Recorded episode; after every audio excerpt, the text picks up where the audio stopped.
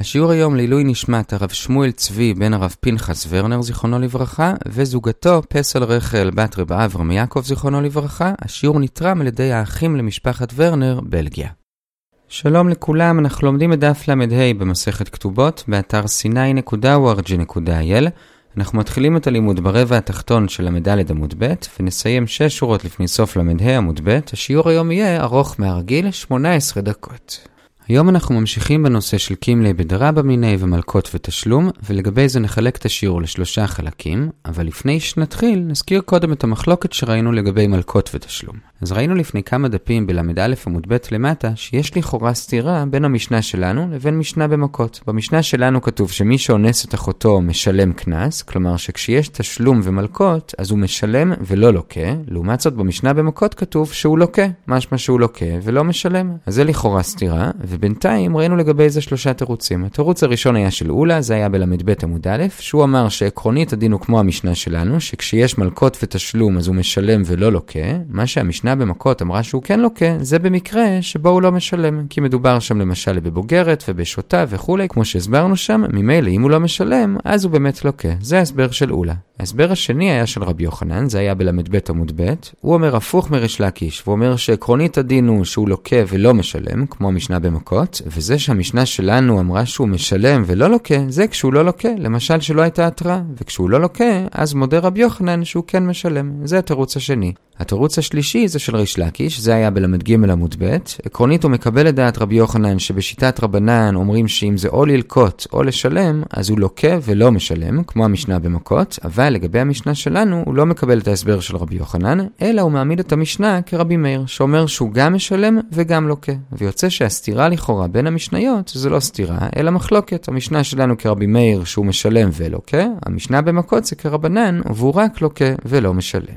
עד כאן תזכורת למה שכבר ראינו, ועכשיו נתחיל את השיעור עצמו. אז בחלק הראשון של השיעור, הגמרא מראה שיש מחלוקת מאוד עקרונית בין רבי יוחנן לריש לקיש. למה? אז ראינו ששניהם מסכימים שלפי שיטת רבנן הוא לוקה ולא משלם, כמו המשנה במכות, הם רק נחלקו איך להסביר את המשנה שלנו. עכשיו, למה הם נחלקו? אז רבי יוחנן לא הסביר כמו ריש לקיש, כי הוא לא רוצה להעמיד את המשנה כרבי מאיר, כי יותר סביר להעמיד אותה כרבנן. אבל למה ריש לקיש לא אמר כרבי יוחנן? אז כאן זה חושף כאמור מחלוקת עקרונית ביניהם, וזה לפי רבנן שהוא רק לוקה ולא משלם, מה קורה במקרה שבו הוא לא לוקה? כי לא הייתה התראה. אז רבי יוחנן כאמור אומר שאם הוא לא לוקה, אז הוא משלם, וכך הוא הסביר את המשנה שלנו. אבל ריש לקיש אומר, לא. גם אם הוא לא לוקה בפועל, עדיין כיוון שהוא עשה דבר שעקרונית מחייב אותו מלקות, אז אפילו אם בפועל הוא לא לוקה, בכל זאת הוא לא משלם. אז שוב, כשאדם אמור ללקות, אבל לא לוקה למשל כי זה היה בשוגג או לא הייתה התראה, האם הוא לוקה או לא? לפי רבי יוחנן כן, לפי ריש לקיש לא. זאת המחלוקת העקרונית, עכשיו בדיון נראה איך זה משתלב בפסוקים, ונחלק את הדיון לשני שלבים.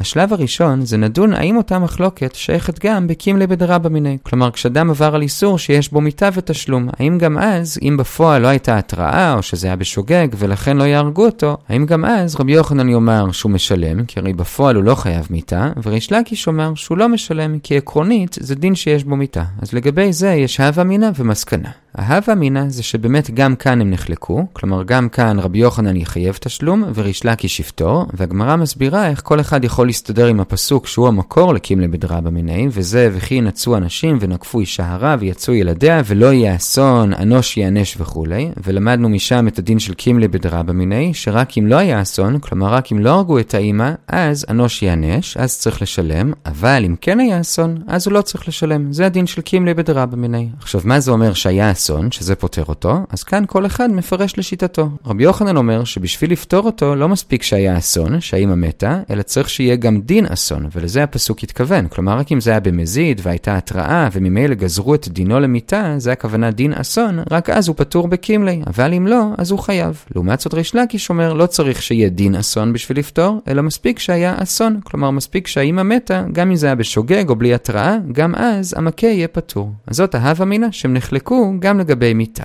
אבל מיד אחרי זה בא רבא ואומר שזה לא נכון, אלא המחלוקת שלהם היא רק לגבי מלקות, אבל לגבי מיתה, כולם מודים גם רבי יוחנן שמספיק שהיה אסון, אפילו אם זה היה בשוגג או בלי התראה, גם בלי שהיה דין אסון, גם אז הוא פטור בגלל הדין של קימלי בדרה במיני. מה המקור לזה? אז לומדים את זה מברייתא של דבי חזקיה. כתוב בויקרא כ"ד, ומכה בהמה ישלמנה, ומכה אדם יומת. יש כאן היקש בין הכאת בהמה להכאת אדם, ומה אפשר ללמוד מההיקש הזה? אז דבי חזקיה לומדים שכמו שבהכאת בהמה משלמים תמיד, בין אם זה בשוגג, בין אם זה במזיד, אז אותו דבר גם לגבי הכאת אדם, יש משהו שקשור לתשלום, שגם הוא תמיד, בין אם זה בשוגג, בין אם זה במזיד. ומה זה? הפטור מתשלום. כלומר, מכאן ראיה שהפטור של קימלי הוא נכון גם אם אדם הרג אדם אחר בשוגג או בלי התראה, גם אז הוא פטור. זה עיקר המקור. עכשיו נדלג לרגע מהשליש העליון של עמוד א' לשורה השלישית בעמוד ב', שם רבא מרחיב קצת לגבי זה בעקבות קושייה של רב חייא, והוא אומר כך, בעצם במקור הזה של דבי חזקיה יש שני שלבים. השלב הראשון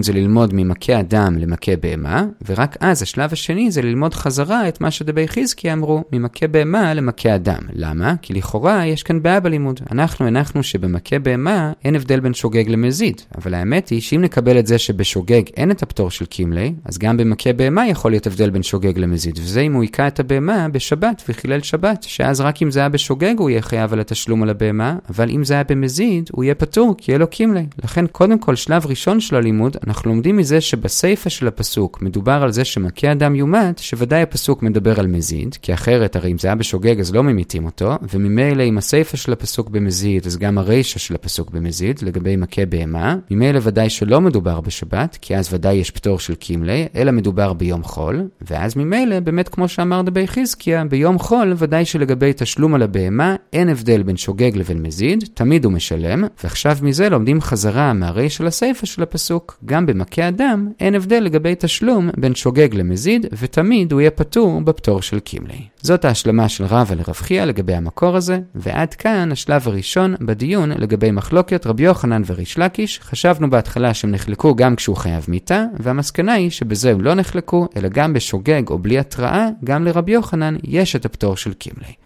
בשביל השלב השני נחזור חזרה לאמצע עמוד א', אחרי שהסקנו שבמיתה הם לא נחלקו, נחזור חזרה למה שהם כן נחלקו, וזה לגבי מלקות. כשכאמור, לפי כולם, לפי רבנן, אם הוא לוקה הוא לא משלם, המחלוקת שלהם זה מה קורה אם הוא לא לוקה, כי זה היה בשוגג או שלא הייתה התראה, האם אז הוא משלם. לפי רבי יוחנן כן, לפי ריש לקיש לא. מה המקור של ריש לקיש, שגם כאן הוא פטור? אז הגמרא מביאה שני מקורות, אביי ורבא. אביי אומר שלומדים את זה גזירה שווה מלקות ממיתה. כלומר, כמו שמי שעובר על דין שיש בו מיתה, כמו שאמרנו הרגע, אז יש לו פטור מתשלום תמיד, גם אם זה היה בשוגג, אותו דבר גם במלקות, שתמיד יש את הפטור. איך לומדים את הגזירה שווה בין מלקות למיתה? זה כי בשניהם כתוב את המילה רשע. במיתה כתוב ולא תיקחו חופר לנפש רוצח אשר הוא רשע למות, ובמלקות כתוב והיה עם בינקות הרשע וכולי. זה המקור של אביי, לומדים ממיתה למלקות. מלקות. המקור של רבא זה שלומדים לא ממיתה למלקות, אלא מתשלומים למלקות, בצורה די דומה למה שלמדנו מקודם, מתשלומים למיתה. כלומר, כמו שבתשלומים, כמו שאמרנו מקודם, אין הבדל בין שוגג למזיד, תמיד הוא חייב על נזק, אז אותו דבר לגבי הפטור מתשלומים, כשיש מלקות, גם כאן לא יהיה הבדל בין שוגג למזיד, ותמיד הוא יהיה פטור מתשלום. זה הלימוד, עכשיו איך עושים אותו? אז גם כאן זה על ידי גזרה שווה, פעם בין שני פסוקים צמודים. כתוב בויקרא כ"ד, בפסוק י"ח, ומכה נפש בהמה ישלמנה, ובפסוק י"ט כתוב, ואיש כי ייתן מום בעמיתו, ומדובר שהוא נתן מום כזה שהוא חייב עליו מלקות, אז לומדים מתשלום למלקות, שכאמור, כמו שבתשלום הוא תמיד חייב, בין במזיד, בין בשוגג, אז גם במלקות הוא תמיד פטור מתשלום, בין במזיד, בין בשוגג. זה הלימוד. עכשיו על הלימוד הזה נעיר שלוש הערות, ובזה נסיים את החלק הזה. הערה אחת, נשים לב שזו גזרה שווה קצת יוצאת דופן, כי זה לא גזרה שווה בין שני ביטויים דומים, אלא בין שני עניינים דומים, כי הרי לא כתוב בשני הפסוקים הכאה, אלא בראשון כתוב ומכה, ובשני כתוב ואיש כי ייתן מום בעמיתו, זאת הערה אחת. הערה שנייה, אמרנו כבר מקודם שהלימוד הזה מבוסס על זה שהפסוק השני מדבר על זה שהוא חייב מלקות ולא תשלום. עכשיו זה לכאורה קשה, כי הרי גם מי שנותן מום בעמיתו, הוא גם כן חייב תשלום ולא מלקות, כמו שכבר למדנו בדף ל"ב שבחובל לפי כולם יש תשלום ולא מלקות, אלא מסבירה הגמרא שכיוון שבפסוק אחרי זה, פסוק שעוד לא קראנו עכשיו, שבר תחת שבר וכולי, כאשר ייתן מום באדם כן יינתן בו, שאת זה כבר למדנו לפני כמה דפים, שזה מדבר על ממון, אז ממילא הפסוק שלפני זה, ואיש כי ייתן מום בעמיתו וכולי, קימלי כן יעשה לו, כאן אין טעם שיהיה עוד פסוק לגבי ממון, אז אם אינו עניין לגבי ממון, תנאו עניין לגבי מלקות. כלומר, בהכאה שאין בה שווה פרוטה, ויש בה מלקות. וממילא, כיוון שיש מלקות, אפשר ללמוד גם לכל שאר המלקויות, שתמיד יש פטור מתשלום. זאת הערה שנייה. הערה שלישית שממשיכה בעצם את ההערה השנייה, אם אנחנו אומרים שמדובר פה שלא היה פה שווה פרוטה ולכן יש כאן מלקות ואין ממון, אז לכאורה איך אפשר ללמוד מכאן שכשזה דין שיש בו מלקות, הוא לא משלם? הרי כאן הוא ממילא לא משלם כי זה לא שווה פרוטה. אלא מסבירה הגמרא שזה בא ללמד שלא רק על אותו מום שהוא עשה, שהוא באמת לא שווה פרוטה הוא לא ישלם, אלא גם אם תוך כדי ההכאה הוא גם קרא למוכה את הבגדים, גם על זה הוא לא ישלם. כי כאמור, כשיש מלקות לא משלמים. אז הצלחנו לסדר את הפסוק הזה של ואיש כי ייתן מום שמדובר על מלקות שהוא לא משלם, וממילא כאמור לפי ריש לקיש, לפי ההסבר של רבא, לומדים מהפסוק לפני זה לפסוק הזה, שכמו שבתשלום הוא תמיד משלם בין אם זה בשוגג, בין אם זה במזיד, גם במלקות הוא תמיד לא משלם בין אם זה בשוגג, בין אם זה במזיד. עד כאן שלוש הערות על המקור, ועד כאן החלק הראשון של השיעור, ראינו מחלוקת בין רבי יוחנן לריש לקיש, האם לפי רבנן שלוקה ולא משלם, האם הפטור הזה מתשלום הוא גם בשוגג, לפי רבי יוחנן לא, בשוגג הוא כן משלם, לפי ריש לקיש הפטור הוא גם בשוגג. החלק השני של השיעור הזה קצר, זה השליש האמצעי של עמוד ב',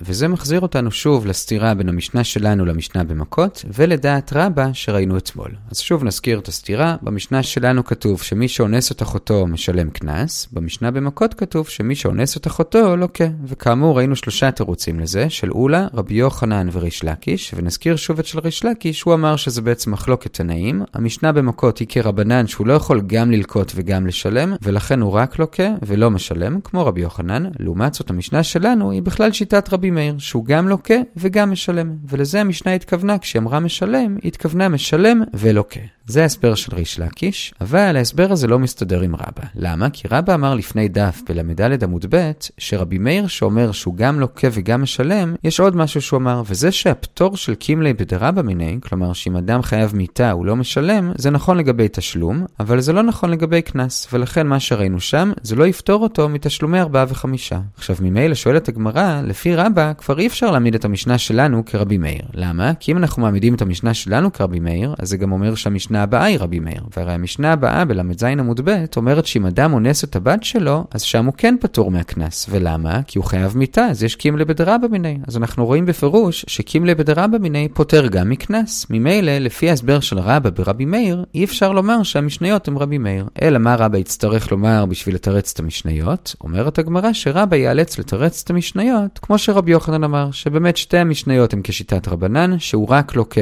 ולא משלם, ואילו המשנה שלנו, אומרת שהוא משלם, זה כשזה היה בלי התראה או בשוגג, שאז הוא לא לוקה, וממילא לפי רבי יוחנן הוא משלם, בסוגריים נזכיר, לפי ריש לקיש במקרה כזה הוא לא משלם, כי גם כשזה היה בשוגג, כל עוד עקרונית יש מלקות, לפי ריש לקיש הוא לא משלם. עד כאן השלב הראשון של החלק הזה. השלב השני, שכאמור בגמרא זה לא מובא כשלב שני, אלא תוך כדי הדברים, זה שנראה עוד שני ניסיונות לנסות לתרץ את המשנה שלנו. עכשיו רק נעיר בסוגריים למה לגמרא חשוב להביא עוד ניסיונות, כי באמת, לומר שרבא סובר כמו רבי יוחנן, כמו שהרגע אמרנו, זה סוג של אילוץ, כי הרי ברבי יוחנן יש חידוש, שכשהוא לא לוקה, הוא כן משלם, הרי ריש לקיש חלק על זה. ממילא, אם נצליח למצוא עוד דרך לתרץ את המשנה, זה עדיף. לכן מביאים עוד שני ניסיונות. עכשיו, לפני שנראה את הניסיונות עצמם, קודם כל נכיר עוד שתי דעות לגבי התחום הזה של קימלי בדרבא מיני. דעה אחת של רבי נחוניה בן הקנה, דעה שנייה של רבי יצחק. אז לגבי רבי נחוניה בן הקנה, האמת היא שכבר הזכרנו אותו בלמד עמוד א', וזה לגבי מחלוקת שלו עם רבנן, לגבי מי שמדליק את השדה של חברו. אם הוא עשה את זה בשבת, אז כיוון שהוא חייב מיתה על חילול שבת, הוא פטור על התשלום על הגדיש, כי יש קימלי בדרבא מיני. אבל אם הוא עשה את זה ביום כיפור, ששם אין חיוב מיתת בית דין, אלא רק כרת, וזה יש מחלוקת. רבנן אומרים שהוא חייב תשלום, כי בכרת אין את הפטור של קימלי, אבל רבי נחוניה אומר שבגלל הכרת הוא פטור מתשלום, כי גם בכרת יש את הפטור של קימלי. זה דבר שכבר ראינו, עכשיו על זה נוסיף עוד הערה, מזה שרבי נחוניה אומר שבגלל הכרת הוא פטור מהתשלום, משמע שלולא הכרת הוא היה חייב בתשלום, אפילו שיש כאן מלקות. אז יוצא שלפי רבי נחוניה, מלקות לא פוטר מתשלום. כלומר, בזה הוא כמו רבי מאיר, שהוא גם לוקה וגם משלם. אז זה רבי נחוניה בן הקנה, למדנו עליו שני דברים. מצד אחד הוא מקל ואומר שגם בכרת יש את הפטור של קימלי, מצד שני הוא מחמיר ואומר שבמלקות אין פטור בכלל, והוא גם לוקה וגם משלם. זו דעה אחת. דעה שנייה שנכיר בהקשר הזה זה רבי יצחק, הוא מובא במכות י"ג, והוא אומר שבעבירות שבהם יש כרת, אין בכלל חיוב מלקות. לא בגלל קימלי או משהו כזה, פשוט אין מלקות. זו דעת רבי יצחק. אז אלה שתי עדות שהכרנו, ועכשיו נחזור שוב לנושא שלנו. אנחנו מביאים עוד שני ניסיונות לתרץ את הסתירה בין המשנה שלנו לבין המשנה במכות לגבי אונס אחותו, שאצלנו במשנה כתוב שהוא משלם ושם כתוב שהוא לוקה. שני הניסיונות דומים לתירוץ של ריש לקיש, בזה שגם הם אומרים שזה מחלוקת תנאים, רק שהפעם, במקום לומר שהמשנה שלנו היא רבי מאיר, ננסה להציע שהיא תנאים אחרים, וזה או רבי נחוניה בן הקנה או רבי יצחק. אז הניסיון הראשון זה להעמיד את המשנה שלנו כרבי נחוניה בן הקנה. זה מצד אחד מאוד דומה למה שריש לקיש אמר, שהמשנה היא רבי מאיר, כי גם רבי נחוניה בן הקנה, כמו רבי מאיר, שניהם אומרים שהוא גם לוקה וגם משלם, ונאמר שלזה המשנה שלנו התכוונה, רק שכאן אנחנו מרוויחים עוד משהו, וזה את הבעיה של רבא. כי הרי רבא אמר ברבי מאיר שלדעתו אין פטור של קימלי בקנס, וזה כאמור לא מסתדר עם המשנה הבאה בנ"ז עמוד ב', אבל זה רק לרבי מאיר. לרבי נחוניה בן הקנה יש פטור גם בקנס, ממילא לשיטתו אין בעיה עם המשנה הבאה. אז זה הניסיון הראשון. הבעיה עם הניסיון הזה זה שאומנם זה מסתדר לגבי המלקות והתשלומים וגם לגבי המיטה והתשלומים, אבל זה לא מסתדר לגבי הכרת והתשלומים, כמו שכבר אמרנו בל"ד עמוד א', כי הרי רבי נחוניה אומר שיש קימלי בדרבא מיני גם בכרת, וממילא אמנם מצד המלקות הוא לוקה ומשלם לפי רבי נחוניה, אבל כיוון שיש כאן גם כרת, אז בכרת לדעתו יש פטור של קימלי, וממילא אי אפשר להסביר כך את המשנה שלנו שאומרת שהוא כן משלם. אז כי רבי נחוניה אי אפשר להעמיד, ואנחנו עוברים לניסיון השני. הניסיון השני זה להעמיד את המשנה שלנו כרבי יצחק. איך זה עוזר? כי כאמור רבי יצחק אומר שבכל מקום שיש כרת, אין מלכות בכלל, וממילא זה יסביר את המשנה שלנו שאומרת שהוא משלם. למה? כי מצד אחד זה שיש כרת לא פוטר אותו מתשלום, כלומר כמו רבנן ולא כמו רבי נחוניה. מצד שני, למה המלכות לא פוטרות אותו מתשלום? פשוט כי לדעת רבי יצחק אין כאן מלכות, כי ברגע שמדובר בדין של כרת, בכלל אין מלכות, וממילא ודאי שיש תשלום, ולכן המשנה שלנו אומרת שהוא משלם, לעומת זאת המשנה במכות שאומרת שכן יש מלכות, חולקת, והיא כרבנן שכן יש מלכות, וממילא הוא לוקה ולא משלם. זה הניסיון השני להסביר למה אצלנו הוא משלם ולא לוקה. הבעיה עם ההסבר הזה, זה שזה מתאים לגבי אונס אחותו. אבל לגבי עוד דוגמה שהוזכרה במשנה, וזה מי שאונס ממזרת, שגם שם הוא משלם, כאן כבר אי אפשר להסביר כרבי יצחק, כי הרי בממזרת אין כרת, ממילא יש מלכות, וממילא המלכות לכאורה אמורות לפתור אותו מתשלום, אז למה כתוב שהוא משלם? ממילא גם כרבי יצחק אי אפשר להסביר, ולכן נשארנו עם שלושת התירוצים שאמרנו עד עכשיו, וזה אולה, רבי יוחנן וריש לקיש, שהעמיד כרבי מאיר, כשכאמור, לפי רבא, אי אפשר להסביר כריש לקיש, כי לדעתו, לפי רבי מאיר, קימלי לא פוטר מקנס, ממילא זה לא יסתדר עם המשנה הבאה, לכן כאמור, רבא ייאלץ להסביר כמו רבי יוחנן. עד כאן השלב השני של החלק השני של השיעור. החלק השלישי והאחרון של השיעור זה בשליש התחתון של עמוד ב', וזה הערה קטנה לגבי המחלוקת בשורף קדישו של חברו. אמרנו מקודם שמי ששורף את השדה של חברו ביום כיפור, לפי רבי נחוניה בן הקנה הוא פטור מתשלום, כי גם בכרת יש פטור של קימלי, אבל לפי הדעה שחולקת עליו שם, הוא לא פטור מתשלום, כי בכרת אין פטור של קימלי. עכשיו, מי זו אותה דעה חולקת? אפשר לומר שאותה דעה היא בדיוק אותה דעה של המשנה אצלנו, כי הרי גם אצלנו באונס אחותו וגם שם ביום כיפור זה מצב דומה, כי הרי בשניהם מדובר שיש גם כרת, גם מלקות וגם תשלום, והדין הוא שהוא משלם, וממילא אפשר להסביר את המשנה שם כמו שהסברנו אצלנו. כלומר בעצם יש שלוש אפשרויות, ועל זה נוסיף עוד אפשרות בסוף, וזה סוג של סיכום לכל הסוגיה. אפשרות אחת שהגמרא לא מזכירה כאן זה אולה, שהוא אמר שכשיש גם מלקות וגם תשלום, אז הוא רק משלם ולא לוקה, כך הוא הסביר את המשנה שלנו, וכך הוא גם יכול להסביר את הדעה שם במשנה. אפשרות שנייה שרש"י מזכיר זה רבי יוחנן, שאומנם כשיש גם מלקות וגם תשלום הוא אמור ללקות ולא לשלם, אבל אם לא הייתה התראה או שזה היה בשוגג, אז הוא לא לוקה והוא כן משלם, וכך הוא הסביר את המשנה שלנו, וכך הוא גם יכול להסביר את המשנה שם. אפשרות שלישית, שזה כבר כן מוזכר כאן, זה כמו שריש לקיש אמר, וזה להעמיד את המשנה שם, כמו שהוא אמר על המשנה שלנו, שזה כרבי מאיר, שהוא גם לוקה וגם משלם, ולזה המשניות התכוונו. עד כאן שלוש האפשרויות שהן בדיוק כמו האפשרויות שהסברנו בהן את המשנה שלנו. אפשרות רביעית ואחרונה, שאיתה לא הצלחנו להסביר את המשנה שלנו, אבל כן נצליח להסביר איתה את המשנה שם, וזה להעמיד את המשנה כרבי יצחק. כאמור, רבי יצחק אומר שכשיש כרת, בכלל אין דין של מלכות, וממילא שם ודאי שהוא משלם, כי אין מלכות, אז ממילא הוא כן משלם. לעומת זאת, אצלנו במשנה, כזכור, לא יכולנו להעמיד כרבי יצחק, כי המשנה הזכירה גם שהוא משלם בממזרת, ובממזרת הרי אין כרת. ממילא אצלנו לא, אבל שם אפשר להשתמש ברבי יצחק. עד כאן החלק השלישי, בזה הגענו לנקודתיים 6 שורות מלמטה, נעצור כאן, נחזור על מה שראינו. המשכנו היום לעסוק בנושא של מלקות ותשלום, חילקנו את השיעור לשלושה חלקים. בחלק הראשון, בתוך שיטת רבנן, לפי שיטת רבי יוחנן, שכשיש גם מלקות וגם תשלום, אז הוא רק לוקה ולא משלם, ראינו מחלוקת, האם זה נכון גם כשהוא בפועל לא לוקה, כי זה היה בשוגג או שלא הייתה התראה. לפי רבי יוחנן, אז הוא כן ישלם, וכך הוא הסביר את המשנה שלנו. לפי ריש לקיש, גם אז הוא פטור, ולכן הוא לא יכול להסביר כך את המשנה שלנו. עכשיו, לגבי המחלוקת הזאת, ראינו שני שלבים בדיון. שלב ראשון, האם זה נכון גם לגבי קימלי? בהתחלה הבנו שכן, כלומר שכשכתוב ולא יהיה אסון, אז אנוש ייענש, אבל אם היה אסון, אז הוא לא נענש בתשלום, הכוונה היא רק אם היה דין אסון, כלומר שבפועל דנים אותו למיתה, אבל אם הוא רק הרג בלי התראה או בשוגג, אז אין את הפטור, אבל המסקנה היא שזה לא נכון, ובקימלי, לפי כולם, גם לפי רבי יוחנן, תמיד יש את הפטור. ולמה? לומדים את זה מ"הוא מכה ומה ישלמנה", הוא מכה אדם יומת. כמו שבבהמה תמיד משלם, גם בשוגג, גם באדם תמיד לא משלם, גם בשוגג. אז בקימלי יש את הפטור תמיד, אבל לגבי מלקות, כאמור זה מחלוקת, אם הוא בפועל לא לוקה, לפי רבי יוחנן הוא כן משלם, לפי ריש לקיש עדיין הוא פטור, והבאנו שני מקורות לריש לקיש, אביי למד את זה גזירה שווה ממיתה למלקות, שבשניהם כתוב רשע, אז כמו שבמיתה הוא תמיד פטור מתשלום, גם במלקות הוא תמיד פטור מתשלום, גם בשוגג. רבא למד את זה גזירה שווה בין מלקות לתשלומים, שכמו שבתשלומים תמיד חייבים, גם בשוגג, גם במלקות תמיד פטורים מתשלום, גם בשוגג, ועל הלימוד הזה של רבא הבאנו שלוש הערות, שלא נחזור עליהן כאן, זה היה החלק הראשון. בחלק השני חזרנו לסתירה בין המשנה שלנו למשנה במכות, שבמשנה שלנו מי שאונס אחותו משלם, במשנה במכות הוא לוקה, ואמרנו שלפי רבא שהזכרנו אתמול, אי אפשר לתרץ את התירוץ של ריש לקיש, שהמשנה שלנו היא רבי מאיר שהוא גם לוקה וגם משלם, כי זה לא יסתדר עם המשנה הבאה בל"ז עמוד ב', ששם כשהוא אונס את ביתו, שאז הוא חייב מיתת בית דין, יש פטור של קימלי, אפילו שמדובר בקנס, והרי לפי רבא, לפי רבי מאיר, בקנס אין את הפטור של קימלי, ממילא רבי יצטרך לתרץ כמו רבי יוחנן, זה היה השלב הראשון. בשלב השני ניסינו להסביר את המשנה שלנו לפי עוד שתי שיטות בתנאים. אפשרות אחת כי רבי נחוניה בן הקנה, שהוא כמו רבי מאיר שהוא לוקה ומשלם, וכאן אין לנו את הבעיה של הקנס, אבל יש לנו בעיה אחרת, וזה שהוא אומר שגם על כרת יש קימלי, וממילא אי אפשר להסביר את המשנה שלנו, כי אמור להיות פטור מתשלום, אמנם לא בגלל הקנס, אבל בגלל הכרת, לכן כמוהו אי אפשר להסביר. ניסיון שני זה כרבי יצחק, שהוא אומר שכשיש כרת, בכלל אין מלקות, וממילא מובן למה הוא משלם במשנה שלנו, הבעיה עם זה זה שזה לא מסביר את ממזרת, ממילא גם כך אי אפשר להסביר. עד כאן החלק השני.